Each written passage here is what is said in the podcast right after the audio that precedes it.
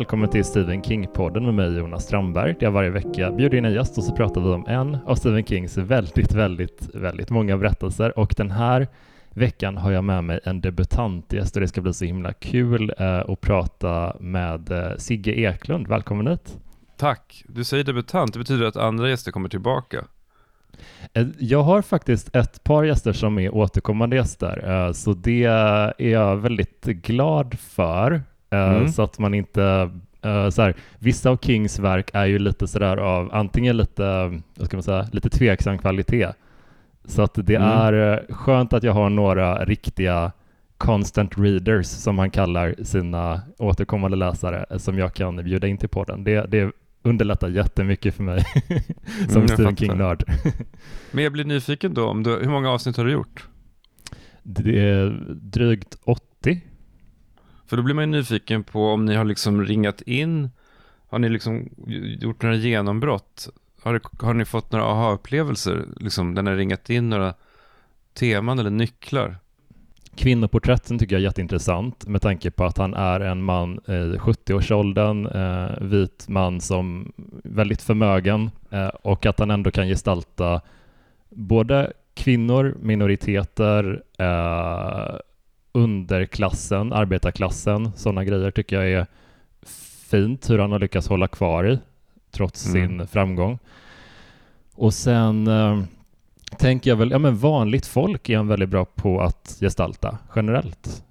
Så att det eh, är väl någon sorts, eh, vad ska man säga, avtryck som han har gjort hos mig, att, att hur, hur duktig han är på att måla upp ett helt vanligt liv med små detaljer som mat, uh, vilken bil, om man har en bil som man kör uh, och mm. uh, vilket yrke man har, sådana grejer. Och att det kommer ofta i första hand och sen så kommer det läskiga eller hotet sekundärt. Typ. Mm. Men, ja, men det är väl en spontan känsla sådär. Vad, vad, vad har du för relation till Stephen King? Nej, alltså relationen började ju egentligen innan jag ens kunde läsa. Eller i alla fall innan jag läste Stephen King. Därför att min pappa var väldigt duktig på att berätta om de här Stephen King-böckerna som han läste.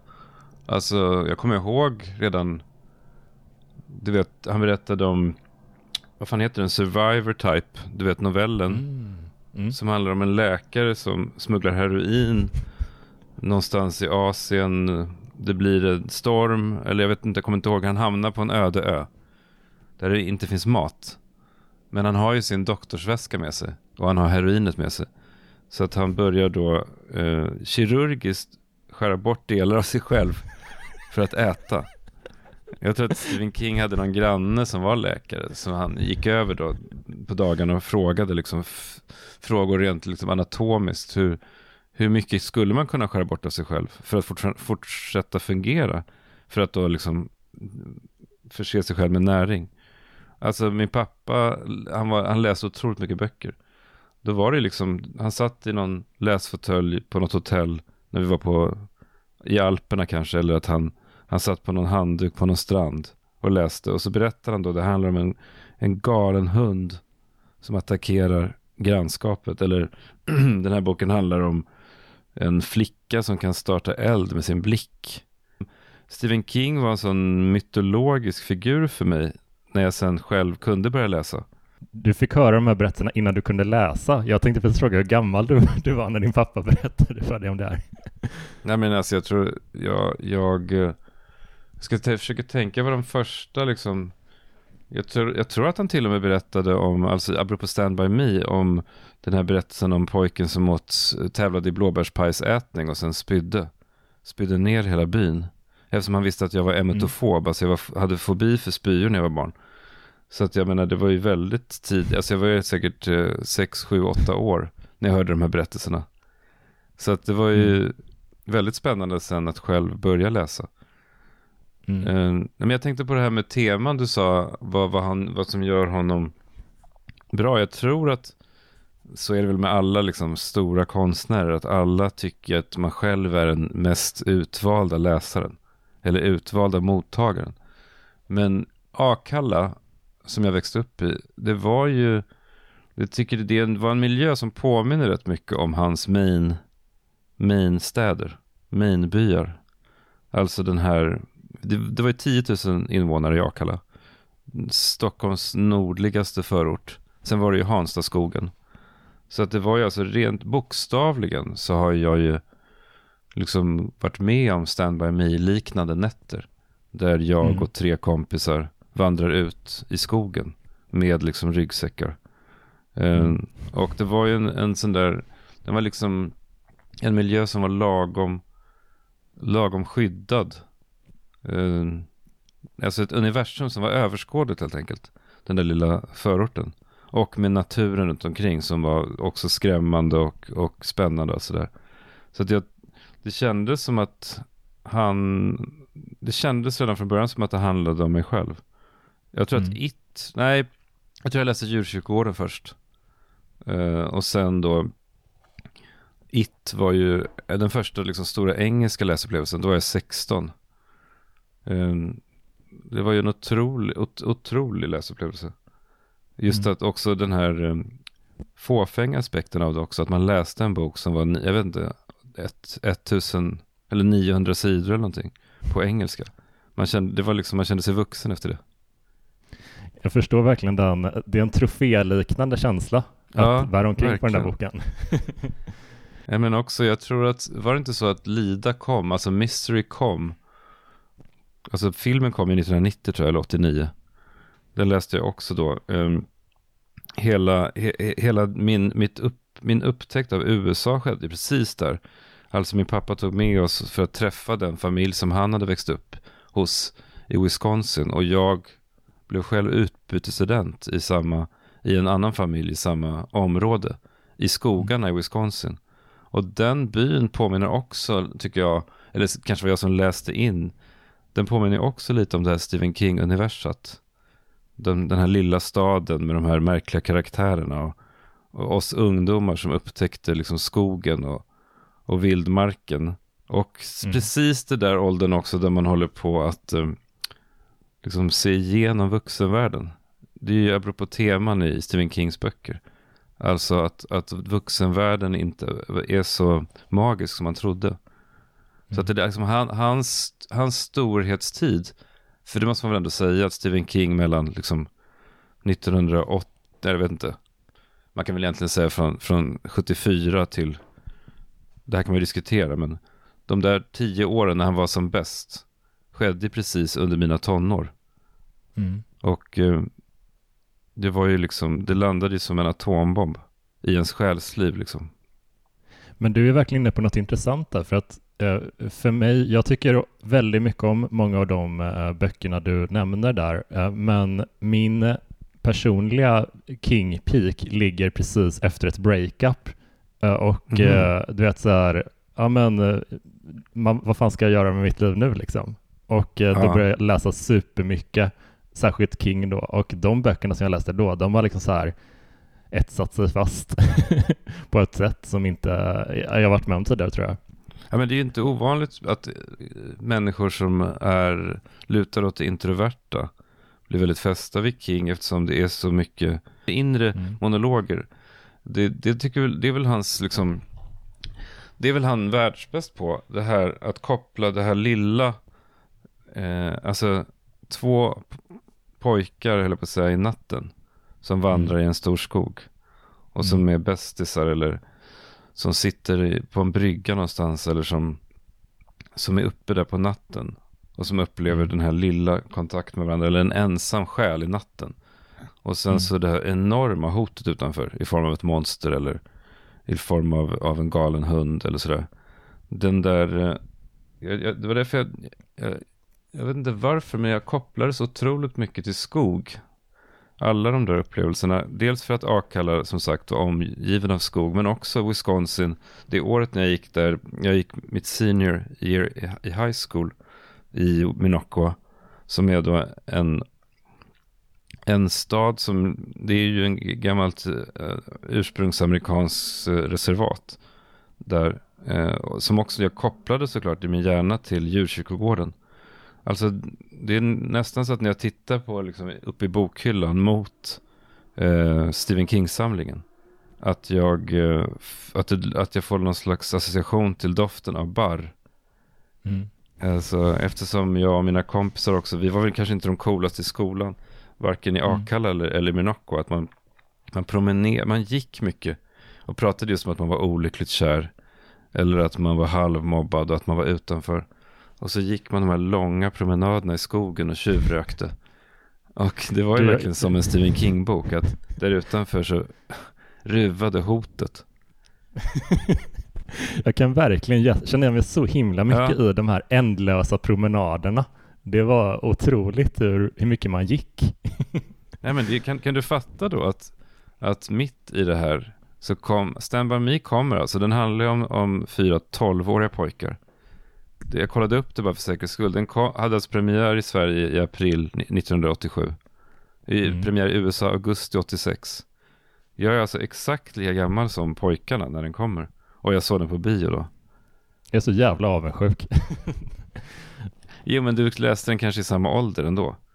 Jo, Senare. alltså verkligen. Och, och det, det är en sån eh, det är en sån film, specifikt filmversionen egentligen, som, som jag återkommer till eh, då och då när jag känner att eh, jag behöver, ja men om man behöver gråta lite. För att jag tycker att den är underlättar på ett sånt sätt. Den triggar någonting eh, Mm. och gör det lättare. Så att det är en sån känslomässig nyckel lite för mig. Att eh, Vad fint. Ja. Var, var är det du gråter någonstans i den? Eh, Det, alltså, det är lite olika beroende på hur, hur, var man befinner sig känslomässigt. Men det kan vara liksom eh, ja, men de här små scenerna när, när någon sitter och håller vakt kring eh, när de slår läger för, för natten där i skogen till exempel. Det tycker jag är väldigt sådär Ja, men deras, det, är något, det, det är ju inte en sån sorglig scen, men den är väldigt fin tycker jag. Att de Mm. sitter och tar hand om varandra och ser efter varandra och sådär. Ja, det är Men, väldigt eh, själv- Stephen Kings det här liksom att, att hö- höra ljudet av eh, elden som knäpper och visslar i natten. Ja, alltså det är väldigt så här atmosfäriskt och det är väl också att en, en grej som jag har märkt när det gäller typ mycket, alltså all kultur som jag tycker om väldigt mycket är att jag tenderar att intellektualisera det lite för mycket ibland. Så jag, Mm. Och det, det är en sån eh, Stand By Me of the Body, det är en sån berättelse som lite bypassar det filtret. Så att jag reflekterar inte jättemycket allt över de konstnärliga valen utan det är mer att jag bara följer med på något sätt. det, det är väldigt Ja, men det, eh, den borde ju fint. inte funka nästan. Alltså Nej. den är ju så jävla basic. Alltså Ja. fyra kompisar som ska, eh, liksom sista, sista natten med gänget typ. Sista Mm. natten i barndomen. Det är ju nästan liksom övertydlig symbolik också. Att de hittar det Ja. här liket. Som är då barndomens död kanske. Eh, alltså allting är ju väldigt over the top. Men ändå så känns det så jävla ärligt på något sätt. Ja, grejen, en, en detalj som jag tycker väldigt mycket om, om man ändå ska plocka ut något enskilt sådär, är ju den, eh, att de väljer den Bi- Benny King-låten Stand By Me och att det är nästan, inte kanske den enda musiken, men det är typ den enda musiken som ligger på hela tiden. Mm. Eh, fast de spelade den inte förrän i slutet så jag snodde den. Jag gjorde en, en dokumentär för flera år sedan som hette Somewhere in the crowd vs you som handlar om eh, så här livepublik på tv-inspelningar och det communityt som de har. Och då fick Mm. eh, en, kom, en kompis till mig hade gjort en jättefin låt till den så då hade jag en instrumental av den som kom och gick lite hela tiden och sen spelades till eftertexterna typ bara för att ska, imitera det. Den ligger där liksom som en så här, vad heter det? Den ligger i instrumental version som, som i moll ju under filmens gång. Eh, Mm. vad heter det? Men den där, den scenen när de är uppe där på natten. När de sen somnar så vaknar han i gryningen. Alltså huvudpersonen, Mm. Gordy. Det är väl min favoritscen när han ser den här, det här rådjuret. Om du minns. Mm. Det är också så här. Alltså jag kommer ihåg att jag, eller jag tror, det kan ju ha varit en efterkonstruktion också. Men jag tror att jag redan där tyckte att det var en speciell, eller det var en konstig scen. Att, eller som, och därför så har den stannat kvar. Att han, huvudpersonen går upp, de andra sover. Han sitter på tågrälsen i tystnaden. Man hör bara hackspettar och liksom morgonfåglar. Och sen kommer ett rådjur, deras ögon möts och att han bestämmer sig för att inte berätta det för de andra. Kommer du ihåg? Ja, jag minns. Ja, att det var är liksom... skitfint. Jag vet, det var ju liksom så. Det är också väldigt mycket Stephen King. Alltså de här ögonblicken som, alltså hemligheterna som ha- folk har för varandra. Eh, där han, det är ju nästan, i varenda bok han skriver så finns det ju någon slags författarpersonlig själ. Många, många av karaktärerna är ju också uttalat att de är författare. Eller lärare kanske, men att det är personer som är, ser världen lite utanför, utifrån, snett utifrån. Och har svårt Mm. att kommunicera det till omvärlden när de är unga. Och att de därför börjar skriva när de blir äldre. Mm. Jag tror att jag liksom connectade väldigt mycket med den, med den scenen, med den karaktären. Så varför väljer han att inte berätta det? Alltså jag vet Mm. inte, det antyds ju i boken att han, han tyckte att det skulle kännas som att det skulle, det skulle bagatellisera det. Om han skulle sätta ord på det. Om han skulle berätta det för de andra. Mm. Det är ju liksom författarens eh, förbannelse på något sätt. Att Mm. man tycker att världen är så otroligt magisk att man måste berätta om den. Men samtidigt så vet man att man aldrig kommer lyckas. En ständig skam över att man försöker ens. Men det, låter, det låter hemskt. Ja, men också liksom i, i ögonblick så kan det kännas att man är på väg. Till exempel så berättar han ju om det uppenbarligen i, i boken liksom 30 år senare. När, när han då som vuxen man skriver den här boken. Men hur, hur skulle du säga, liksom, om man ska plocka ut någon, någon särskild egenskap hos Stephen King, eller så här, hur tycker du att han har påverkat dig som författare? Finns det någon speciell de- detalj i hans författarskap som du har tagit med dig? Men jag har ju läst honom så mycket att jag nästan inte vet vad han liksom var. Det är väldigt svårt att ut, bena ut. Eftersom han, han är liksom lägger fundamentet för storytelling på något sätt. I början av, av mitt läsande liv. Och, um, men jag menar, sen har jag också läst så otroligt mycket meta-uttal, vad säger man? saker han har sagt eller skrivit om att skriva. Hans bok eh, On Writing, heter den så? Mm. Betyder ganska mycket för mig, för den kom ju precis när jag själv debuterade. Och, alltså han skrev då en bok, för de som inte vet, han skrev en bok om att skriva. År 1999 eller år 2000. Som just handlar om hans, hur han går tillväga. Jag kommer ihåg att det var jag tycker det var spännande för det, det tycker jag är en nyckel till hans författarskap. Hur han, han är kritisk mot uh, lä, vad heter det, skrivarkursernas besatthet vid plott. Vid story. Att han liknar plotten vid en slägga liksom som man, om, om, om liksom om, om kärnan i berättelsen är som en fossil så ska man liksom pensla fram den försiktigt som en arkeolog gör.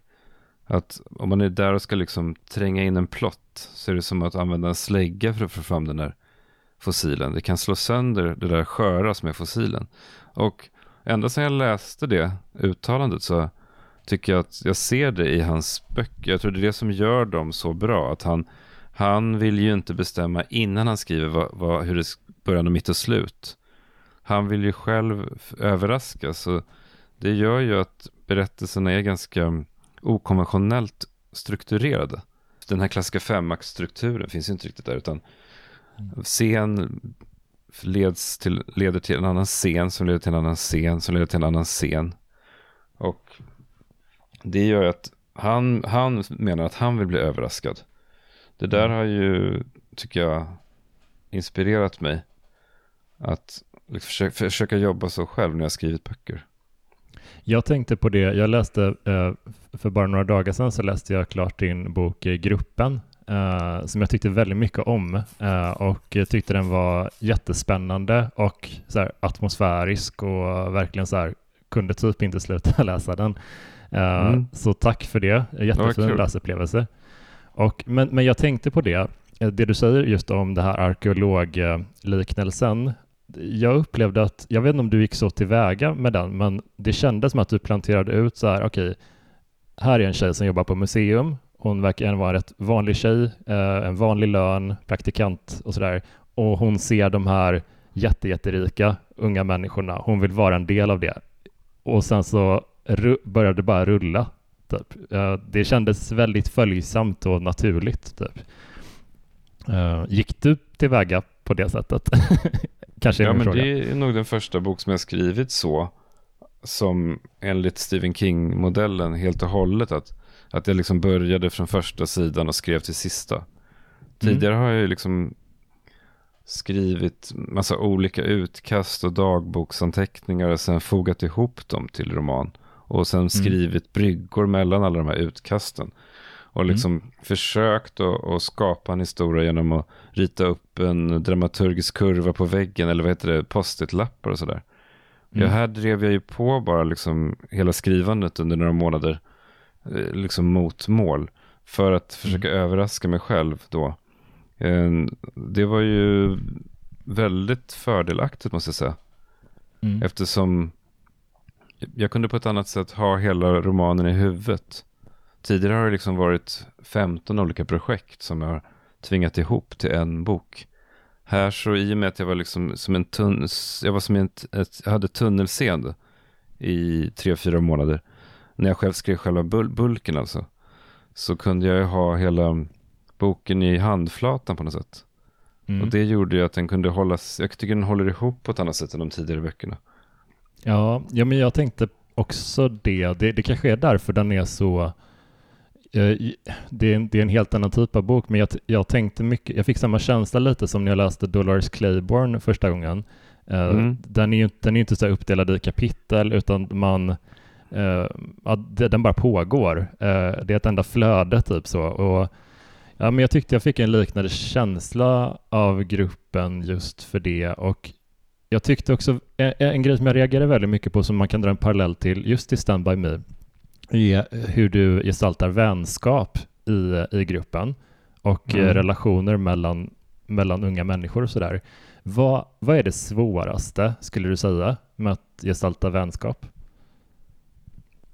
Alltså jag, jag fuskar ju lite därför att ofta så, så står det ju att de pratar om en viss sak och att det är en härlig stämning snarare än att jag visar dialogen. alltså det, det, det, är svårare att skriva film tror jag på det sättet.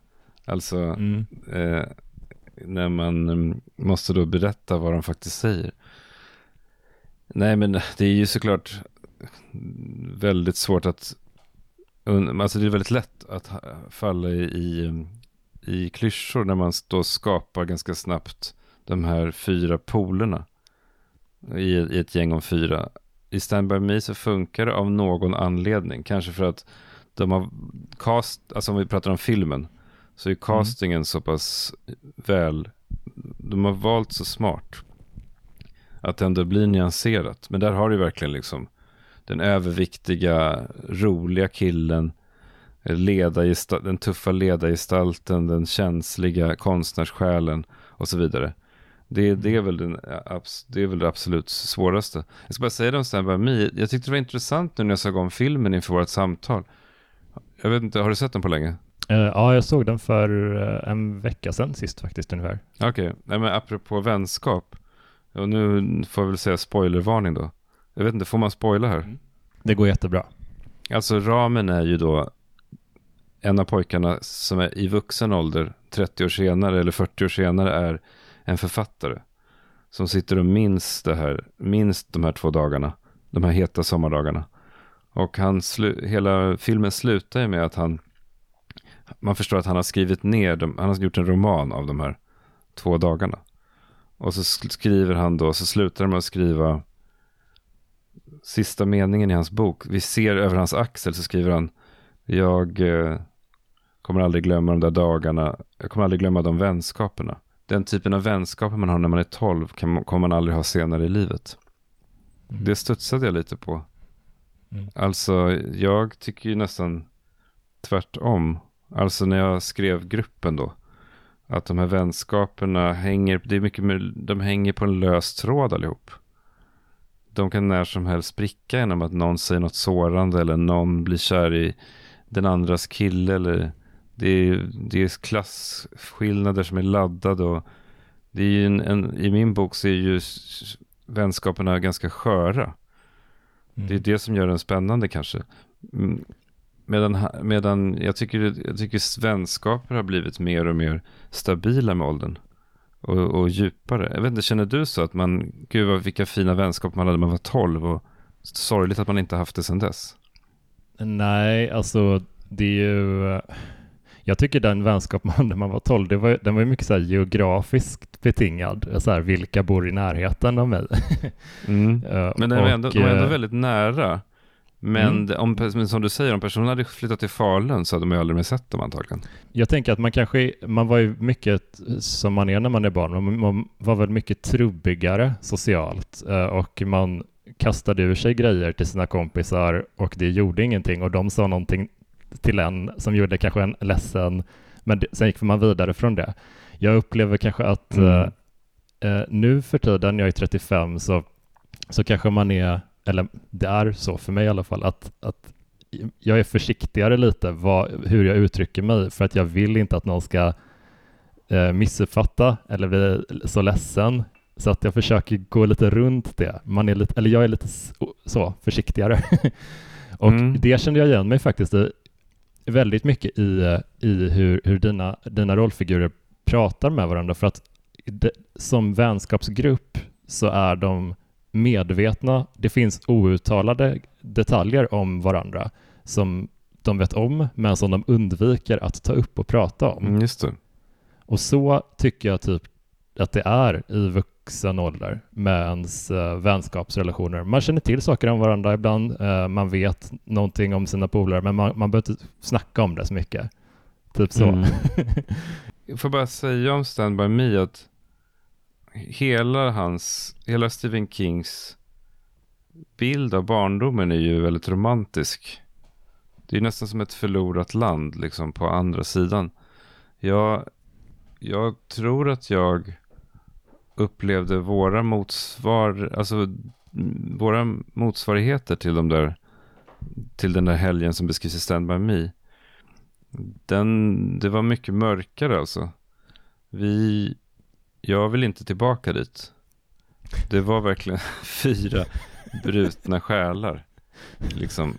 Och i den här, i hans, i hans värld, både i Me, så man måste nästan se det lite som en skiss till It. Mm. Alltså det är ju samma tema som återkommer i It, det här gänget, The Losers, som är på väg ut också för att möta liksom ondskan. Eh, mm. Så är ju de här vänskaperna, de, det är de mot världen på något sätt. I våran, i, i våran vänskapskrets så fanns det också ganska mycket hot inuti gruppen. Mm. Så, så, som i min romangruppen. Alltså mm. till exempel så vi var ju, precis som i Stand By Me så fick vi ju tag i en pistol en gång. Alltså det var ju bara en Oj. luftpistol då, men den kunde skjuta mm. små blyliknande kulor. Som vi då sköt djur med i skogen. Och... Vad eh, fan. Ja men det, det, det tror jag inte är helt ovanligt. Alltså att pojkar i 12-13 års åldern leker med vapen. Mm. Men hur som helst, Nej. det var ju liksom i, i Stand By Me så används den här pistolen som de gemensamt riktade den mot det, det, externa hotet. Medan i våran grupp så var det en av mina kompisar som riktade den mot oss plötsligt. Och vi skrek och liksom gömde oss i diken och kastade oss i leran och han, han riktade den mot våra huvuden. Och, alltså det, det var ju liksom, det var ju ganska långt från den här mysiga, varma bubblan i Stand By Me. För I Stephen Kings värld så är ju alltid liksom hotet utifrån.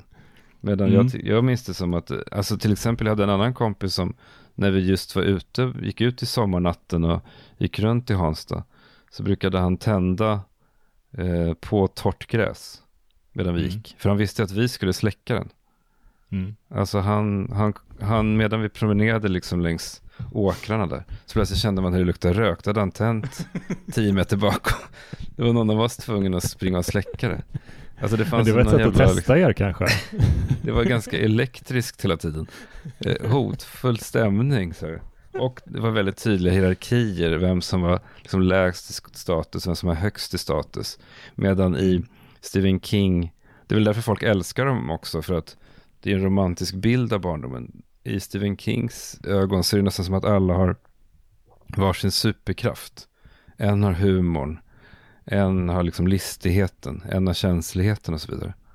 Mm. Uh, Men jag tänker på en, den största skillnaden mot hur jag upplever den åldersperioden. Eh, liksom, det är att i, i Stand By Me så gestaltas den perioden som en, en tid av frihet och gränslöshet.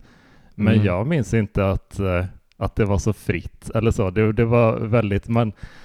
Hela, man var väldigt liten i universum när man gick ja, på Sibeliusgången i Akalla. Man hade inga, inga liksom resurser att göra någonting, man hade inga pengar, man kunde inte ta sig så långt från en viss begränsad yta. Så eh, den där äventyrligheten, eh, jag gillar att läsa om den och gillar att, att, att se den gestaltad, men det, det är väldigt lite av det som jag kan identifiera mig med, ärligt talat.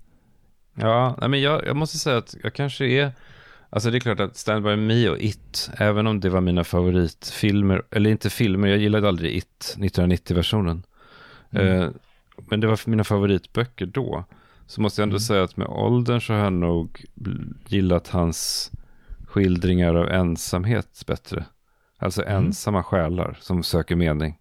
Alltså till exempel om vi tar bara novellsamlingen Different Seasons som ju The Buddy, alltså som sen filmatiserades som Stand By Me, ligger i så, så gillar jag ju verkligen Apt Pupil. Har du läst den? Ja, tycker jättemycket om den. den är helt alltså, knäpp alltså. Den är helt sjuk ut. Jag blev lite chockad när jag läste den första gången. Jävla bra. Och ja, visst är det. Men det, eh, vill, vill du berätta lite kort om den för våra lyssnare som inte ja, absolut. har... absolut. Den handlar ju om en 14 eller 15-årig kille som eh, hans familj är väl ganska välbärgad. Alltså man känner att han, han söker kicka därför att han, annars är förspänd. Man förstår att han kommer att gå något fint universitet sen. Han kanske inte riktigt sedd av sina föräldrar. Så att för att söka kickar så börjar han bläddra i sin pappas andra världskrigets böcker. Och eh, går till biblioteket och liksom han, han tittar på bilder från förintelsen och liksom vältrar sig i det här lidandet. Därför att det händer någonting i honom då. Han känner någonting då. Till skillnad från sitt liksom polerade liv. Det, håller du med mig? Det var, det var ett tag sedan jag läste den. Mm. Han, han får den här hobbyn att han är intresserad av andra världskriget. Sen en dag på bussen i den här lilla staden där de bor så ser han en gammal, gammal man som han känner igen. Från de här andra världskriget-tidningarna. Det är en liksom av Auschwitz vidrigaste fångväktare eller till och med läkare kanske, jag kommer inte ihåg. Typ en dödsängel mm. verkligen, någon Mengele-typ. Mm. Och han liksom, han går tillbaka hem, kollar, ja det är fan, det är han. Och han går dit och knackar på, tränger sig in hos den här gubben och säger, jag vet vem du är. Ja men då säger gubben, ja men eh, det är inte alls jag. Jo, och så börjar pojken då utpressa honom. Du måste berätta för mig om hur det var i Auschwitz. Ja. Du får berätta är... för mig om hur, hur var hur kändes det att se de här människorna gasas ihjäl? Berätta. Och så får, får han liksom gå dit varje dag efter skolan. För att få de här kickarna av att känna att det här är något som är på riktigt för första gången i hans liv. Men alltså, jag måste fråga, om, om du hade varit lika intresserad av andra världskriget som huvudpersonen är i, i den åldern och sådär, och du fick reda på samma sak av någon granne, hade du vågat bryta dig in hos personen och utpressa honom? Nej, men, men eh, jag kanske har mått lite bättre i livet än den här pojken. Ja. Alltså, för han går ju lite igång på, det är väl också så att han beställer en, en Gestapo-uniform som han tvingar mm. på den gamla mannen och ber honom mm. marschera genom huset och så. Ja, mm. men det, det, blir liksom ett ömsesidigt utnyttjande. För gubben mm. får ju, det, sakta men säkert så vaknar ju odjuret i gubben. Alltså han mm. har ju liksom, han har ju en ny identitet, han låtsas ju som, ingen, som att han är någon annan. Han får ju kont komma i kontakt med odjuret i sig själv. Så mm. båda två liksom blir monster av det här mötet. Men det är ju, jag menar där är ju, Stephen King har ju sagt det själv också, att han, han gillar ju, han söker sig till det förbjudna. Att han i mm. djurkyrkogården skriver om det döda barnet som föräldrarna försöker få tillbaka. Och Alltså att han i It så är det den här långa sexscenen. De är väl elva när de har den här orgen. Ja, typ. Han liknar ju skräck vid uh, humor. I det att det är en fysisk reaktion på någonting som överträds. Och jag menar, särskilt under de där åren kanske när han var så påverkad av, av alkohol och droger. Att Mm. han än, ännu mer under de åren liksom ville bryta tabun i sig själv. Jag tycker verkligen att det- det ligger någonting i den grejen om, om tabun och sådär för att eh, jag läste ganska, eller vi pratade ganska nyligen i podden om raseri som är en Mm. Eh, King-bok som handlar om en skolskjutning eh, ur skolskyttens perspektiv kan man väl Som han ska skrev ko- eh, som Richard Backman va? Eller släppte som Ja. Richard Backman. Får jag bara fråga, släppte han, varför släppte han just den som Backman? Var det att han förstod att, det var, att den var eh, för personlig eller över gränsen eller? Ehm, ja men alltså Backman är en sånt lite speciellt King-kapitel för att om man, min uppfattning är att Backman alltid är lite mer människofientlig. Att eh, det finns inte lika mycket hopp för människan i hans böcker. King, eh, Stephen King är lite mer, eller betydligt mer optimistisk i slutändan, Mhm. skulle jag vilja säga. Men, men Backman är alltid ett lyckligt slut, för Backman är typ att huvudpersonen offrar sig själv och drar ne- med sina fiender i nedgången ungefär. Men var det, var det, var det så att han, hans förläggare sa, alltså det finns ju flera, det är kul med dig som är expert då. Det finns väl flera teser. En är att hans förläggare sa till honom att du kan inte släppa så här många böcker per år. Du kommer att liksom urholka ditt varumärke. En annan tes är väl att han, att de ville hålla honom ren som uh, utpräglat skräckförfattare. Och att Backman-böckerna skulle liksom göra det lite förvirrande för publiken. Vad är det här för typ av författare? Vad, vad var Ja. tanken bakom Backman-aliaset? Eh, Han, eh, det finns en samling som heter The Backman Books där, där alla Backman-böcker typ utom raseri finns samlade. Och där Mm. har han skrivit ett förord, Stephen King, som heter eh, Varför jag var Backman eller något sånt där. Och jag minns inte den i Mhm. detalj, men, men det jag minns om det är ungefär att han ville testa hur det skulle vara. Att, eh, för han hade gett ut ett gäng böcker vid, vid det här tillfället och var ganska hypad Mm. och eh, ville lite testa så här. Hänger det på mitt namn att, att jag får fortsätta ge ut böcker? Eller, eller skulle jag Mhm, kunna mm, jag ha en pseudonym sådär? Så eh, det var väl den vägen på något sätt. Och, och om man tittar på Backman-böckerna som eh, eh, Maratonmarschen, eh, The Running Man, Thinner, Thinner. eh, eh, Roadwork, eh, vägbygge sådär. Eh, det, det är ju inte så optimistiska romaner. Det är ganska mycket, handlar mycket om människor utanför samhällssystemet, en dysto, dystopisk framtidssyn och sådär. Mm, så jag vet inte om det var ett sätt för King att kanske kanalisera sitt, eh, sitt mörka jag. Att han lite eh, på något sätt, äh, jag vet att jag är en optimistisk jävel i grunden, men det skulle vara kul att testa det här också. Men det tycker jag är så jävla intressant att han är, det, kan, det kanske inte är så ologiskt, men jag tycker ändå det är intressant att han är ju, han är ju i grunden eh, en romantiker och i grunden Mm. en, en ganska sentimental person. Mm. Eh, och- att det funkar ändå eftersom han har släpat oss genom så vidriga grejer. Så funkar det ju ofta att han, att han liksom syr ihop det ganska, det är nästan lite kladdigt ibland ju. Inte minst i, i Stand By Me. Men det funkar, men jag tycker det är intressant därför att, eller jag, jag kommer aldrig glömma någonting han sa om The Shining. Alltså, det är ju allmänt känt att han hatade The Shining eh, filmatiseringen av Kubrick. Och jag, jag tror att han sa typ att han, han hatade att Jack Nicholson var knäpp redan från början.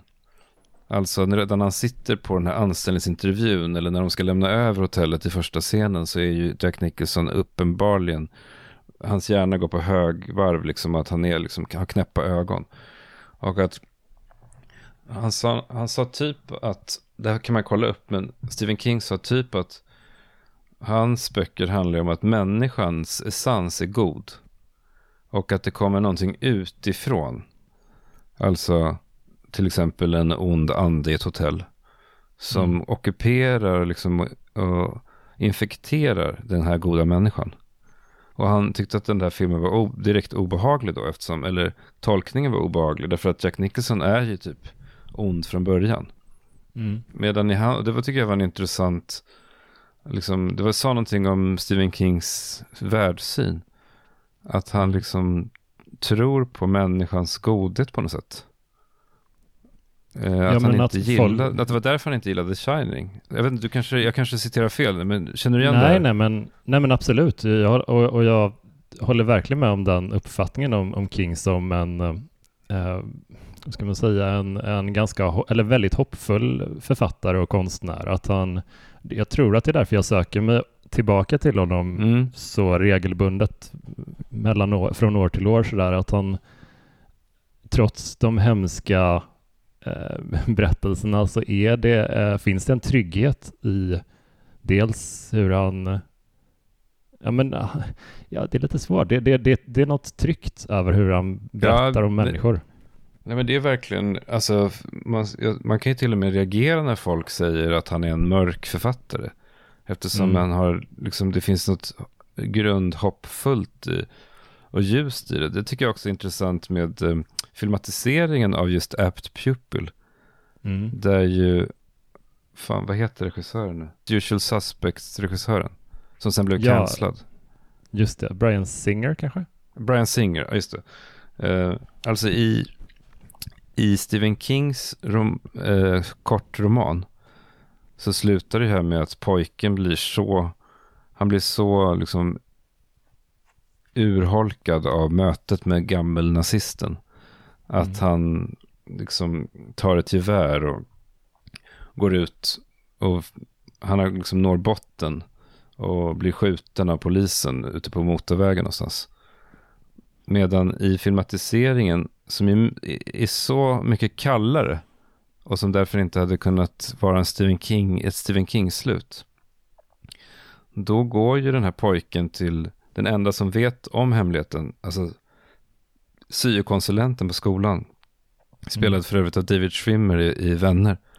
Just det. Och, eh, och hotar honom med att om han inte håller den här hemligheten hemlig så kommer han anklaga honom för att ha begått sexuella övergrepp på pojken.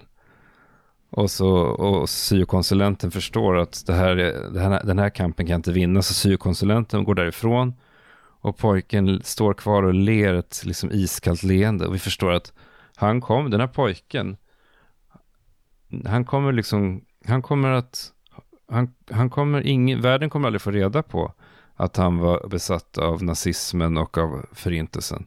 Han kommer börja på Harvard. Han kommer bli en av de mäktiga männen i samhället. Och han kommer aldrig bli avslöjad. Det är ett jävligt obehagligt slut. Medan i Stephen Ja. Kings bok så måste han dö för att han, är liksom, han har gått över till mörka sidan. Det säger Mm. någonting om att Brian Singer, som senare då visade sig, vad jag eh, allegedly själv begått övergrepp, är en kallare Mm. och en liksom mer nihilistisk människa, eller konstnär än Stephen King.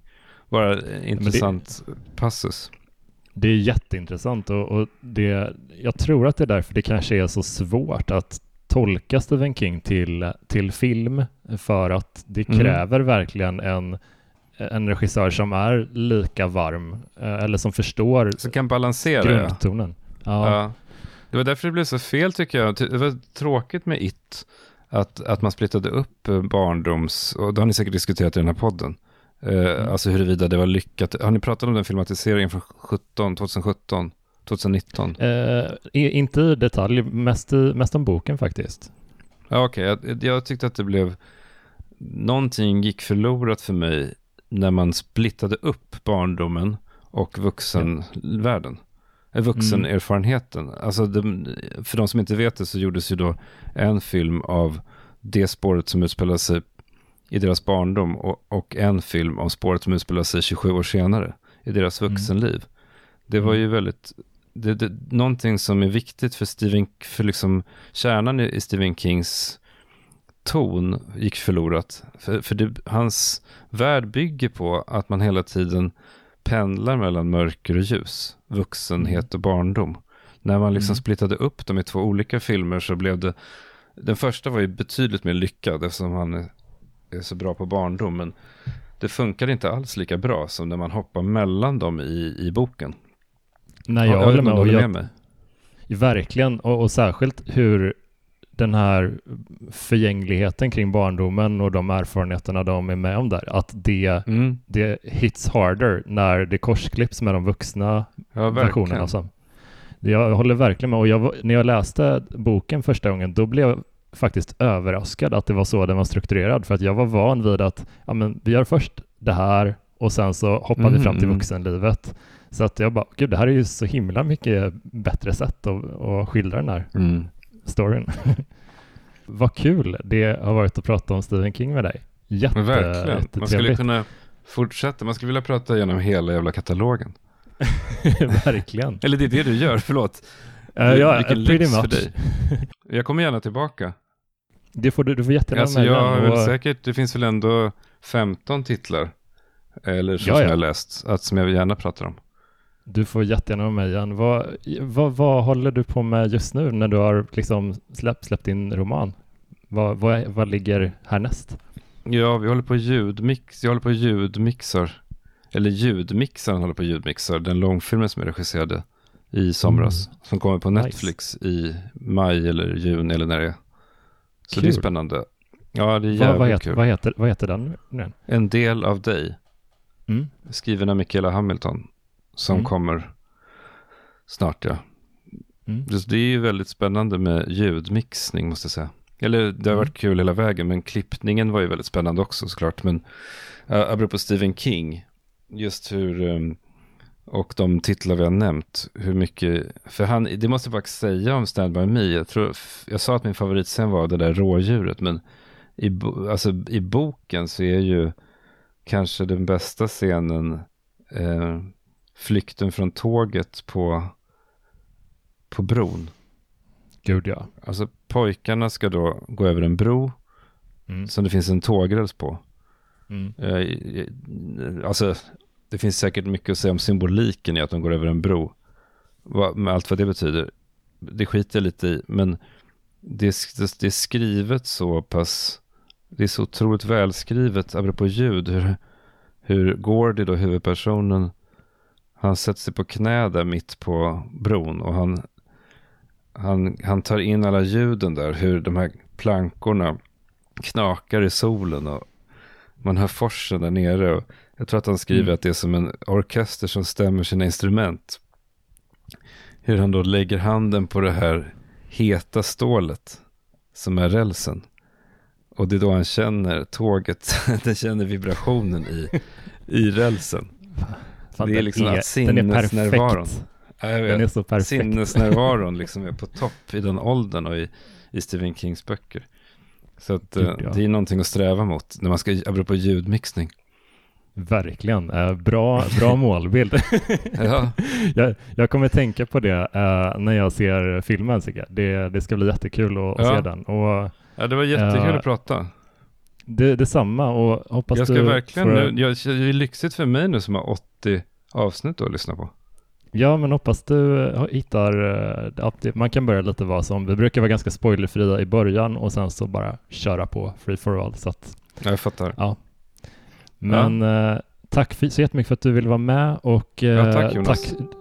Det var, du är varmt välkommen tillbaka så eh, hoppas jag att det går bra med ljudmixningen. Dig. tack. Kram.